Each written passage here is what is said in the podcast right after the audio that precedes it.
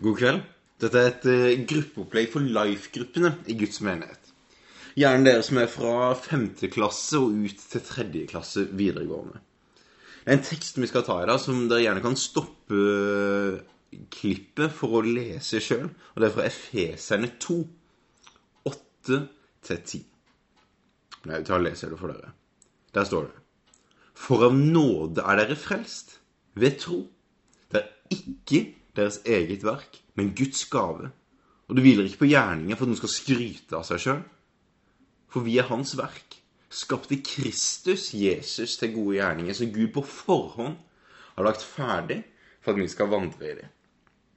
Det er to sentrale temaer i de bibelversene. Det ene er at vi har fått noe gratis, og det andre er at vi har fått noe gratis for å bruke det. Altså, vi har fått nåde av Gud, sånn at vi blir frelst. Og den frelsen ønsker Gud at vi skal bruke til noe, både sånn at vi skal bety noe for oss sjøl og for andre mennesker. At vi skal leve det ut. Leve ut Guds ferdiglagte gjerninger for oss. Og hvis du sitter på en stol eller en sofa nå, gjør det? Sitter du litt anspent for at det plutselig skal kollapse?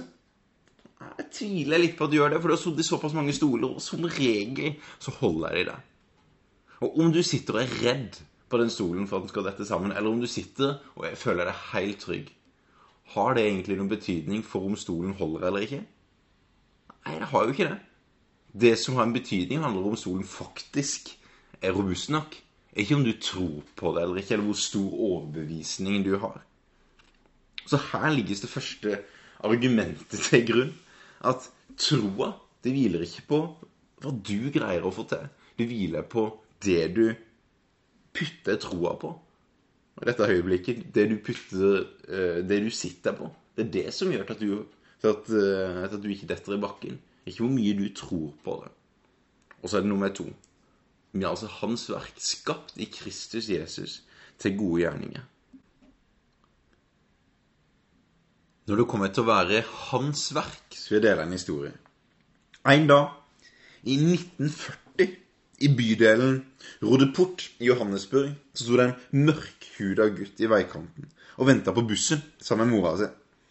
Og da en hvit prest i svart prestekjole kom gående forbi, så løfta han hatten med en ærbødig hilsen. Og denne måten han hilste på, var jo egentlig uhørt i det sørafrikanske apartheidregimet. Det presten gjorde, gjorde så sterkt inntrykk på gutten. Og han spurte mammaen sin hvem var det her. Jo, det var Trevor Huddleston, kunne moren fortelle. En anglikansk prest. Over 60 år seinere fortalte biskop Desmond Tutu i et intervju i BBC at det øyeblikket her hadde fått han til å tenke for første gang at han kunne bli prest. Noen år etter episoden med busstoppet fikk eh, Tutu tuberkulose og lå på sykehuset nesten i to år. Og denne presten, Huddleston, kom jevnlig innom på sykehuset for å se til alle innlagte. Og Tutu skriver i avisen Cape Times at de besøka her hadde fått han til å føle seg enormt verdifull og vært med på å forme han som menneske. 20 år seinere så var Trevor Huddleston sentral i oppstarten av anti-apartheid-bevegelsen i 1961. Og det året Desmond Tutu ble ordinert til anglikansk prest. Hittil har jeg fokusert på at handlinger gjør noe med den handlende. Altså vi har prata noe med at okay, vi er hans verk, skapt i Kristus Jesus til gode gjerninger. Og denne historien her gjør noe med oss på grunn av vi ser at når vi ligner på Jesus i møte med andre mennesker, så forandrer det andre mennesker til òg å ligne mer på Jesus. Så oppfordringa mi i kveld er at troa vår har du ikke gjort det fortjente. Det er den du kan hvile i.